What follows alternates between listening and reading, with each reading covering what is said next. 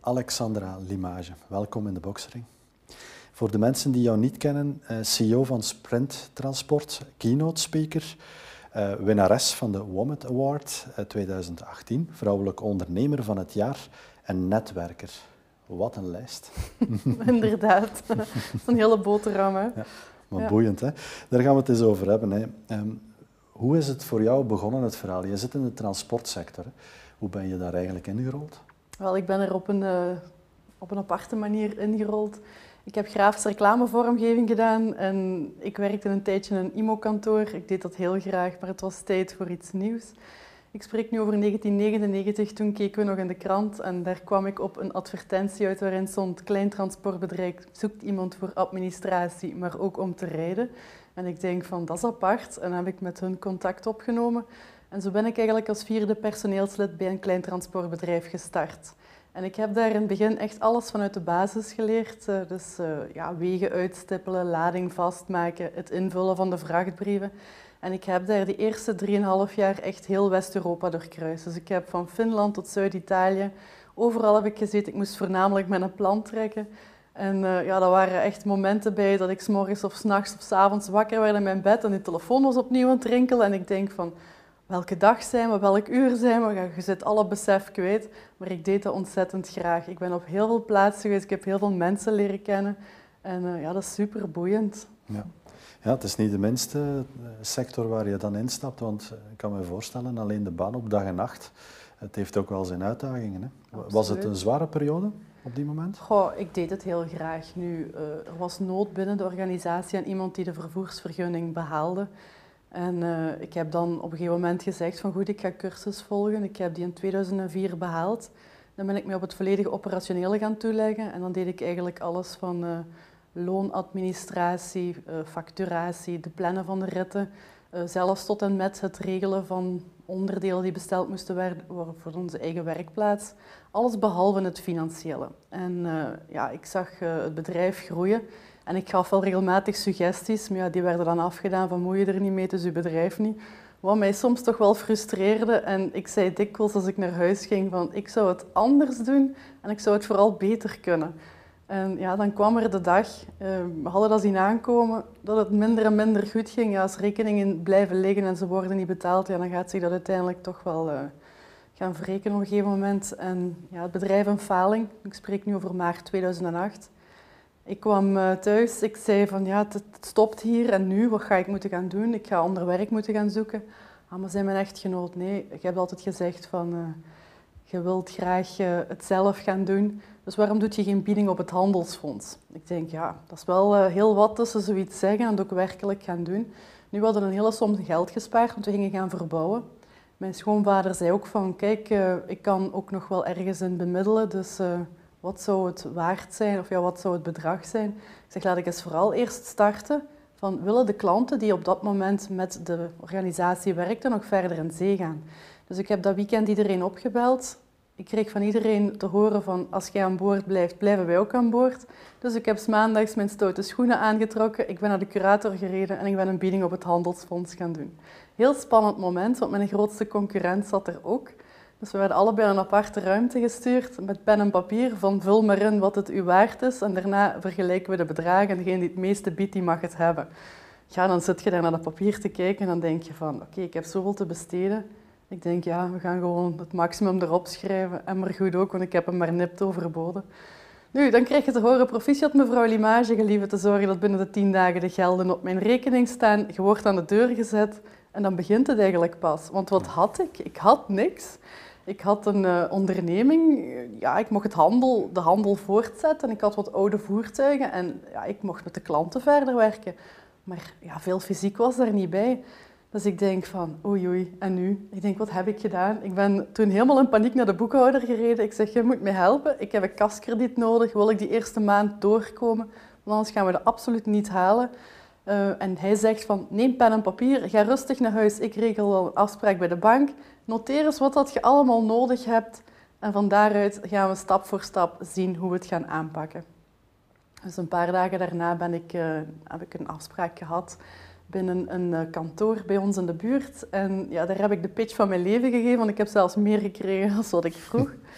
En ja, we zijn gestart met 15 medewerkers. Ehm, in het begin was iedereen dan uh, te werk gesteld via interim, zodat dat mij de tijd gaf voor een BVBA op te richten. Nu, ik heb een BVBA in rust overgenomen.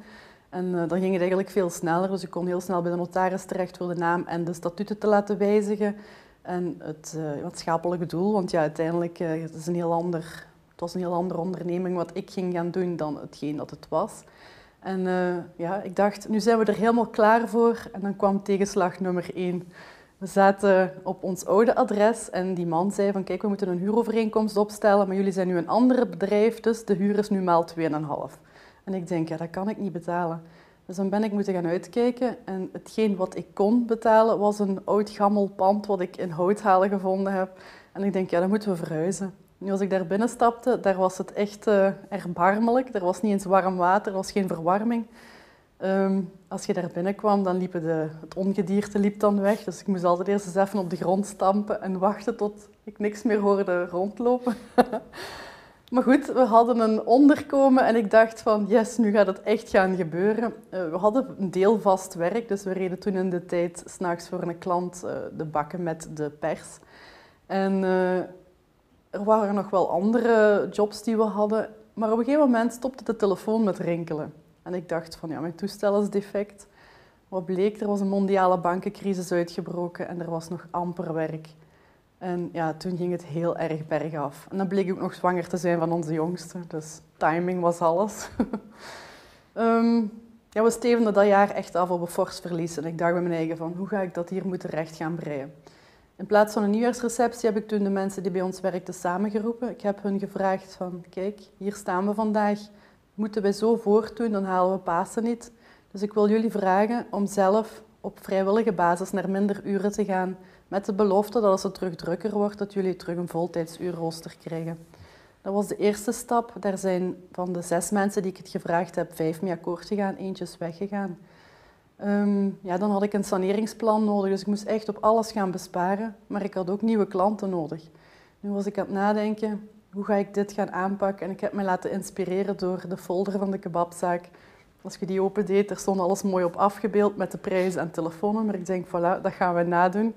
En uh, ik heb dan een A4'tje ontworpen met daar een caddy, een camionet en een vrachtwagen op. De afmetingen, de prijzen die wij hanteerden, in het groot ons telefoonnummer. Ik ben bij ons op de industrieterrein gaan rondrijden. En de bedrijven waar het naar nog oké uitzag, dus ik wil daarmee zeggen waar het gras gemaaid was, daar ben ik het in de bus gaan steken. En binnen de week hadden we zeven nieuwe klanten. Ik heb die de best mogelijke service gegeven. En wat bleek, door die crisis waren er heel wat collega's al gesneuveld. Ja.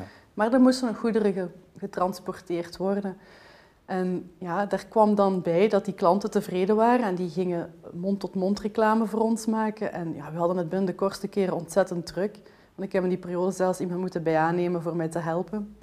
Intussen ben ik dan bevallen van uh, onze Sander. Die ging mee werken iedere dag. Dus uh, de baby mee met de mama. Eigenlijk wel handig, want ik gaf borstvoeding.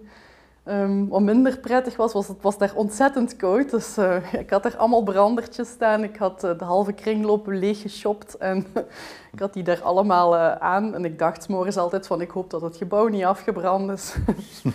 maar zo zijn we dus begonnen. En dat is de ommekeer geweest. dan heb ik jarenlang het geoptimaliseerd. Ik heb heel wat struggles en uitdagingen gehad. Ik heb er heel veel van geleerd. En wat ik in het begin altijd gedaan heb, is ik heb mijn concurrenten gewoon opgebeld omdat ik met heel veel vragen zag, zat. En ja, je kunt wel denken van hoe pakken ze het aan? Je kunt het zelf gaan uitzoeken, maar daar verliest je heel veel tijd mee. Dus ik denk, ik ga hun gewoon opbellen. En dan zei ik van, ik zie dat jullie dit doen. Ik wil ook mij verder in die markt zetten. Of ik wil dat soort transport doen. Hoe pakken jullie dat aan? Hebben jullie ook die problemen? Ja, aan het begin hadden die zoiets van, we gaan u niet helpen. De concurrentie hangt hier aan de lijn. Nu, ik ben blijven volharden en ik ben hun blijven opbellen. En uh, op een gegeven moment kreeg ik dan ook telefoon van hun dat ze zeiden van kijk, ja, wij hebben ook wel wat meegemaakt. En dan denk ik van ah, we zijn losser aan het komen. We gaat hier de goede richting uit. En uh, vandaag de dag moet ik zeggen, ik heb echt wel een heel fijn uh, ja, team van collega's, lijkt ik ze noem. En als vandaag de dag ik de pech heb dat er twee wagens van mij in pannen vallen, dan wordt dat door mijn collega's opgevangen en dan heeft mijn klant er eigenlijk geen hinder van. Sterk, ja. sterk. Het is niet alleen een verhaal van springen, maar ook nog eens het verhaal naar uw hand zetten. Hè? Ja. Onwaarschijnlijk. Um, is het dan in stijgende lijn gegaan? Want met hoeveel werknemers zitten jullie op dit moment? Op dit moment zijn we met een team van 47 mensen. Hm. Ja, dus door de jaren heen is het echt wel een hele uitdaging geweest naar personeel toe, omdat ja, het, is, het is echt wel moeilijk. Wat ik ontdekt heb, is ik zoek niet meer achter de skills van iemand. Ik kijk eerder van past de persoon binnen de organisatie. En heeft hij, net als mij, de passie en de ambitie om de job te leren? En dan neem ik de tijd en dan denk ik van, gaandeweg komen we er wel. En dat is echt wel de juiste strategie voor ons. Want ja, ik heb uh, tevreden werknemers en ik ben ook heel trots op mijn team. En ja, dat, is, dat werkt gewoon in beide richtingen. Ja. je hoort het vaak in de transportsector. Uh, Oost-West-Europa. We, we, hebben hier heel wat, wat invloed van Oost-Europa, mhm. rondrijden op de wegen. Hoe ervaren jullie dat, dat stuk? wij reden vroeger heel veel internationaal en dat is uh, echt stilletjes aan afgekalfd totdat het eigenlijk uh, bijna niet heel was. We zitten nog wel in de buurlanden, maar echt verre ritten, dat komt bijna niet meer voor. Misschien twee, drie keer per jaar voor de rest. Uh, die markt is helemaal ingepalmd. Ja, die is helemaal ingepalmd en het is ook een concurrentieslag geworden. En dan dacht ik van ja goed, hoe kan ik uh, mijzelf op de kaart zetten? Waar, wat is onze meerwaarde die wij aan de klanten te bieden hebben? En dan denk ik van goed, uh, als het om kwaliteit draait en niet enkel om de prijs, ja. dan uh, kunnen wij daarin excelleren en dat is hetgeen wat wij doen. Ja. Daarnaast ook nog eens de uitdaging, de wegen. Hè. Sleppen met een dag meer en meer dicht. Ze zijn nu eindelijk met, met werken begonnen, maar mm geraken jullie daar zo direct uit of, of blijft dat een, lastig gegeven? Dat blijft een heel moeilijk gegeven. En uh, tot voor de coronaperiode was het echt ontzettend terug op het wegennet. En dan hebben we zelfs op een gegeven moment gezegd van ja, nu goed moet er een spitstoeslag komen. Want als wij morgens om acht uur in Brussel moeten staan, ja, dan moet onze chauffeur met zijn vrachtwagen al om vijf uur vertrekken. En dan denk ik voor een afstand van, van 75 kilometer, ja, dat is erbarmelijk. Hè? Dus ofwel is hij er veel te vroeg, is hij er op tijd, ofwel ja, vertrekt de chauffeur later. Dus ik probeer ook wel met de klant te kijken van is het werkelijk noodzakelijk dat het er om acht uur is? Want als het bijvoorbeeld om tien uur of om elf uur kan, dan kunnen we hem later laten vertrekken en dan is de prijs ook dikwijls veel voordeliger. Ja. Dus op die manier zoeken we telkens onze manier van werken.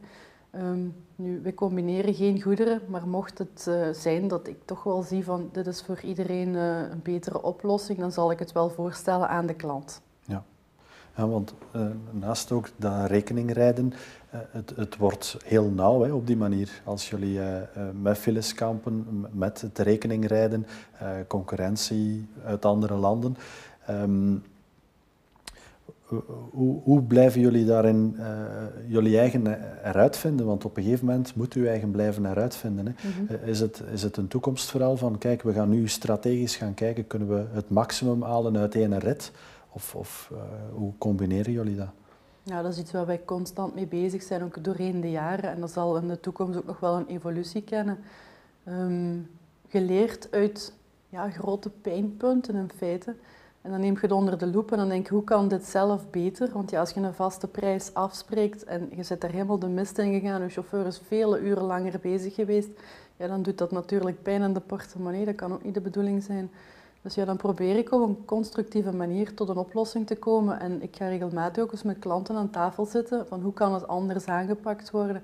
En er zijn soms mogelijkheden door bijvoorbeeld een transport van de ochtend naar de avond of zelfs naar de nacht te verplaatsen. Waardoor dat het eh, rendement ineens een heel stuk omhoog schiet en het voor beide partijen interessanter wordt. Want voor de chauffeur is het ook niet fijn als ze constant in de file moeten staan. Ja.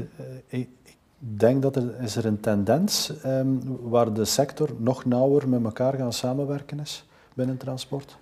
Um, van het doorgeven van vrachten.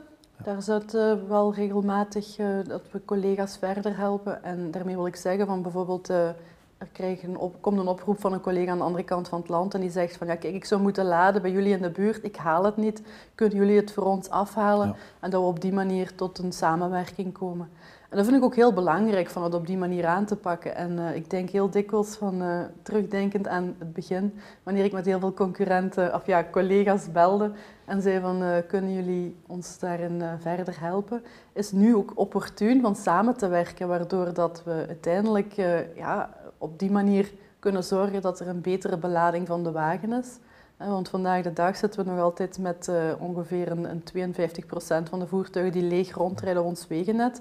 Wat dat toch wel voor een enorme congestie zorgt. Als die er al uh, op een andere manier met goederen zouden omgaan, zou het een, voor iedere partij veel interessanter zijn. Maar dat is de moeilijkheid in de sector, dat heel veel mensen zoiets hebben van nee, wij doen dat niet. Wij werken voor ons en we gaan niet met uh, collega's samenwerken. En ik denk van eigenlijk is het een gemiste kans. We zouden gewoon veel meer de handen in elkaar moeten slaan en zeggen van goed, we gaan een manier zoeken en we gaan samenwerken. Want met dat enorm toekomstplan, alles wordt digitaler. Wij bestellen vandaag iets en willen het liefst gisteren in de bus gehad hebben. Um, uiteindelijk komt dat wel in, in jullie uh, vak terecht. Hè? Mm -hmm. um, het toekomstverhaal lijkt er alleen maar meer op dat, dat zich dat alleen maar gaat uitbreiden. Dus zegt mijn eerste idee, dat probleem stapelt zich alleen maar op. Hè. Mm -hmm. Hebben jullie daar echt een, een, toekomstplan over? Wel, ik heb een idee gehad en uh, daar wil ik verder aan werken.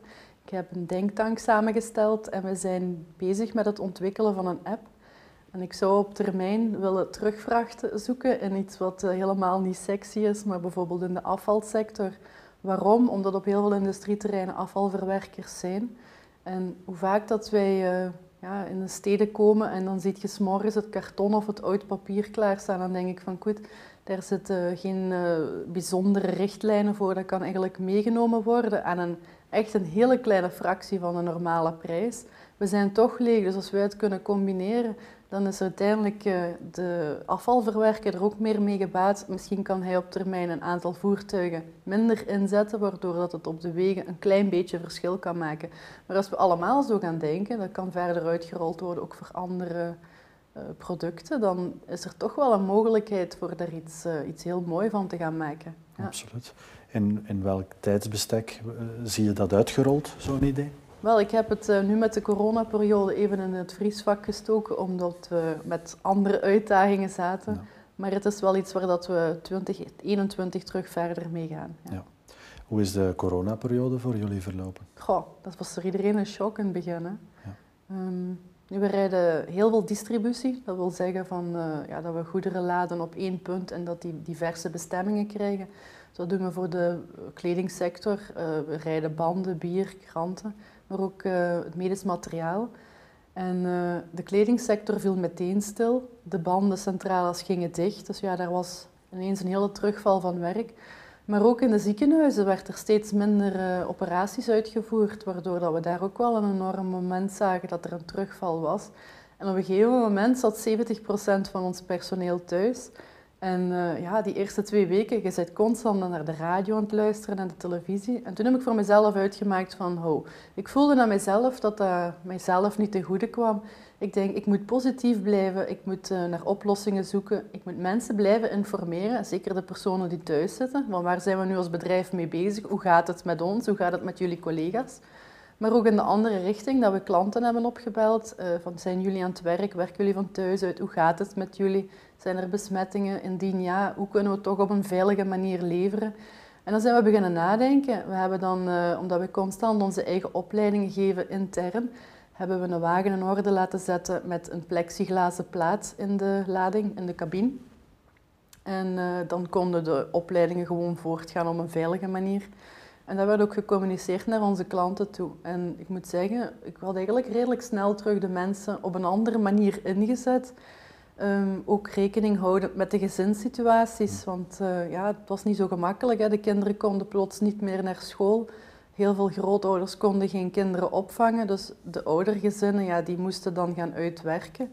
Hoe gaat dat dan in zijn werk? Dus uh, daar hebben we ook wel zitten nadenken van indien het mogelijk was om mensen op een ander uurritme te zetten of hun inhaalrust te geven of hun op andere manieren te laten werken. Ja. En uh, daar zijn we eigenlijk heel goed in geslaagd. Hebben jullie iedereen aan boord kunnen houden in die periode? Nee, er zijn toch een paar mensen die wat het laatste zijn toegekomen, die weggegaan zijn, helaas. Ja. Maar het is ook wel begrijpelijk. Hè. Ze zijn nog niet zo lang in dienst en dan uh, ja, valt er plotseling helemaal, uh, ja, hun werk valt volledig stil. En die zijn dan iets anders gaan zoeken en uh, die zijn weggegaan. Ja. Nu, ene keer dat de overheid zei van de lockdown wordt versoepeld, ja, dat was net of iemand met een kanon in de lucht schoot, want we hadden opeens gigantisch veel werk. En daar ben ik echt op twee weken tijd zeven nieuwe mensen moeten gaan aanwerven, want wij kregen het werk niet meer gedaan.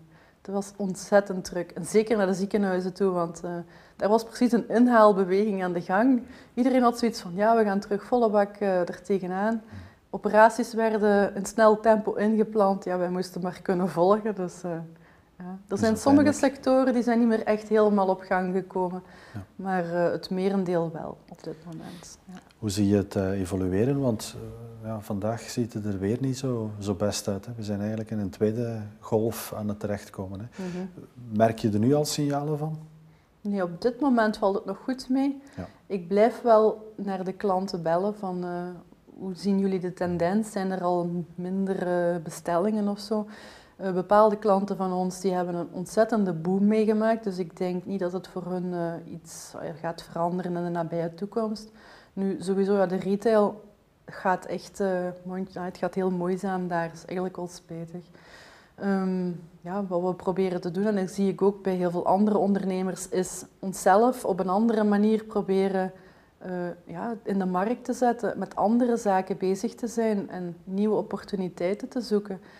En uh, ja, het geeft je ook de tijd om, om na te denken over, over bepaalde zaken en om een andere weg in te slaan. Voor ons is duidelijk gebleken, zeker met wat dat er nog op eh, Europees vlak uh, eraan zit te komen voor de toekomst. Want allee, om een idee te geven, er is een, een, nieuwe wet die dat goedgekeurd is, dat alle voertuigen lichte vracht die dat nu vandaag met rijbewijs B100 tacho rijden, dat die in 2026 onderworpen worden aan een tacho. En uh, ja, van het moment dat uw wagen 1000, 2500 kilo MTM heeft, dan uh, zit hij daaronder, onder die richtlijn. Ik denk, ja, we moeten iets gaan doen naar de toekomst toe.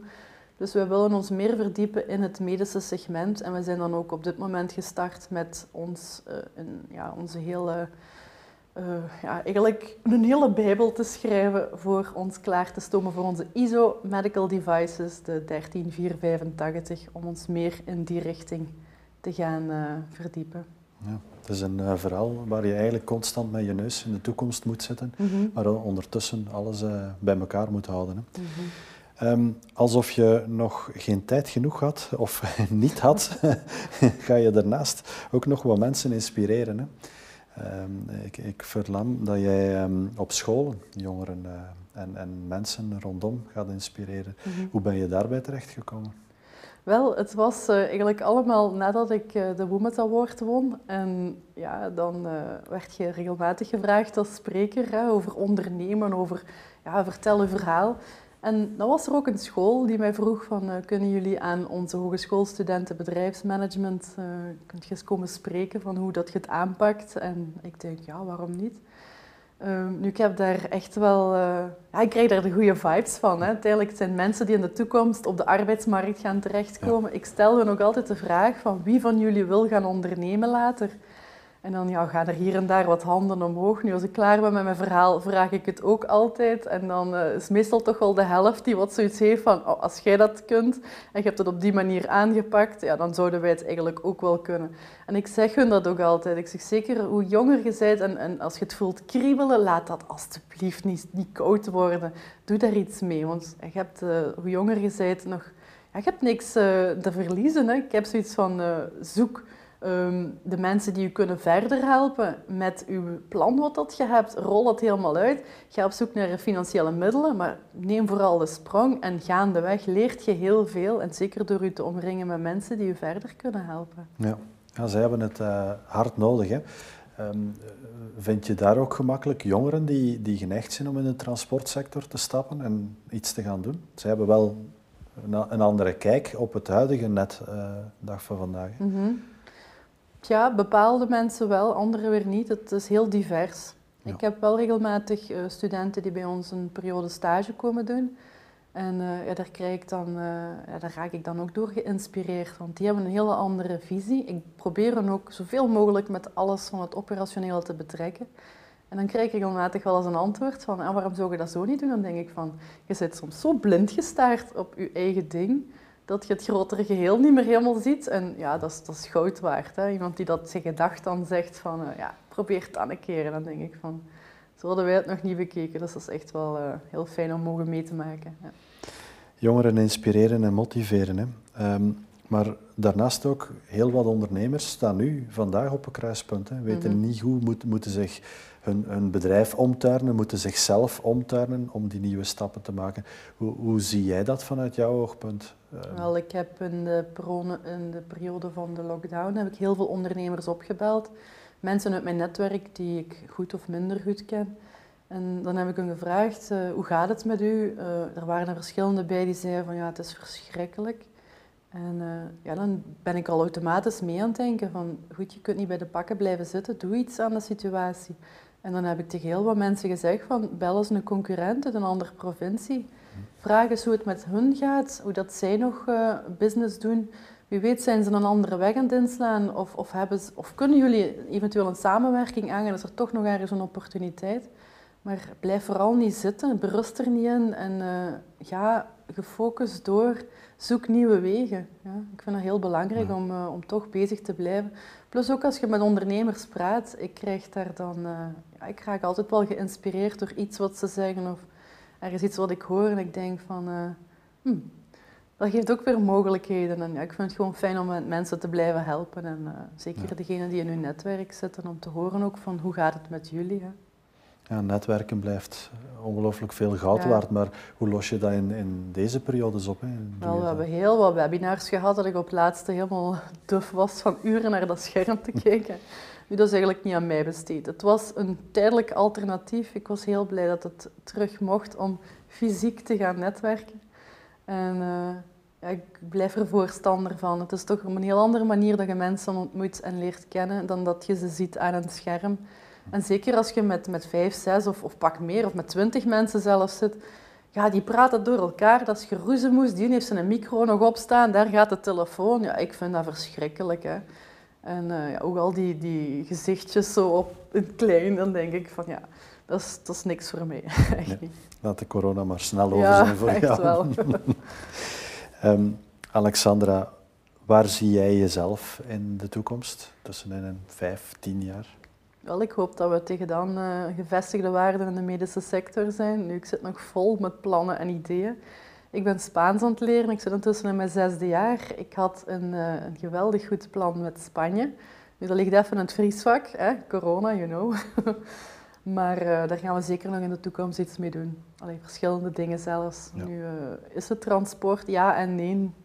Het zit in elkaar verweven, maar het heeft dan toch ook wel iets heel divers. Je daarnaast nog ambities, los van transport? Goh, uh, heb ik nog, ja, als ik nadenk, dan, dan, dan, dan schieten de gedachten naar boven. Um, ik wil vooral me nu focussen op die medical devices. En uh, ik weet waar ik naartoe wil met het bedrijf. Ik leg mezelf ook maandelijks targets op. Ook al is het moeilijk, is geen probleem als je het niet gehaald hebt. Ik vind het is een overwinning op zijn eigen. Om dat in kleine stapjes toch te vieren.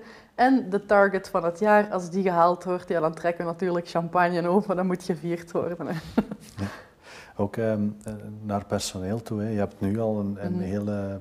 Is het, is het voor jou een, een, een, uitdaging om nog met meer mensen te gaan werken? Want het wordt er niet gemakkelijker op. Hoe groter de groep, uh, hoe, hoe, meer ja, -hmm. uh, geluk en ongeluk dat er soms heerst. Ja. In de... Dus een sterkte om met mensen te blijven babbelen. En, uh, ik vind communicatie in twee richtingen is nodig. En ik zeg dan ook bij een sollicitatiegesprek van weet dat wij heel toegankelijk zijn. Als er ergens een probleem is, geef ons dat aan. Nu, we gaan ook regelmatig de chauffeurs contacteren. En dan soms hoor ik wel van, goh, ik heb me daar toch in verkeken van in de nacht te werken. Ik zou liever naar de dag gaan of andersom. En ik vind als we mensen op die manier kunnen helpen, dat dat ontzettend belangrijk is. En ik, dat wil ik ook wel echt bewaken, dat dat niet verloren gaat door de drukte. Dat ik telkens, hoe groot het bedrijf ook mag worden, dat ik toch bezig blijf met het HR-gedeelte en uh, dat ik weet van wie werkt er bij ons. Want uiteindelijk, ik ken als uh, ervaringsdeskundige, omdat ik zelf zoveel jaren op de baan zit, ik weet hun uitdagingen, ik ken de pijnpunten, ik kan het heel makkelijk uh, plaatsen. En ja, daar wil ik toch wel mij vooral op blijven focussen. Ja, dat is mooi. Um, tot slot, we zitten in een boksering. Dat is jou niet helemaal onbekend. Nee. Wat doet het met jou? Wel, ik ben niet zo'n uh, sportieveling. Ehm, ik denk wel heel vaak aan het sport, maar dan denk ik van, goh, ik ben veel te moe. Nu, een aantal jaren geleden ben ik beginnen boksen en uh, ja, daar kon ik meteen mijn hele energie in kwijt. En als je frustraties hebt, ik zou zeggen, trek zeker eens bokshandschoenen aan. En uh, na een uur zit je afgepeigerd dat je tong op de grond hangt, maar dan voelt je je als herboren. En uh, ja, zodra dat corona over is, wil ik graag terug uh, het ja. oppikken. Want ja, het kriebelt en zeker als ik hier zo zit en ik uh, kijk rond, dan denk ik van... Ha, dat is toch niks heerlijker als, als boksen en snorkelen. En snorkelen. Ja. Doet het voor de rest iets?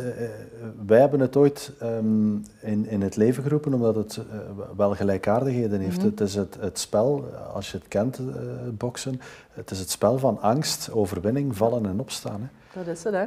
Je gaat heel vaak met je gezicht tegen de muur lopen en je gaat heel veel fouten maken. En ik zeg altijd, praat daarover. Laat stoom af. Zeg, bel desnoods iemand op die je heel goed kent en zeg van, maar nu heb ik toch wel iets heel idioot gedaan. Lach daar vooral mee. Geef dan plaats. Focus op het volgende. Vergeet dat en uh, ga gewoon door. En ik denk van, uh, al valt je 20 keer en dan staat je 21 keer recht. Hè. Blijven doorgaan. Geweldig. Beste Alexandra, mag ik jou bedanken voor dit fijne gesprek in de boxring. Ja, graag gedaan. The Box Ring. Big on small talks.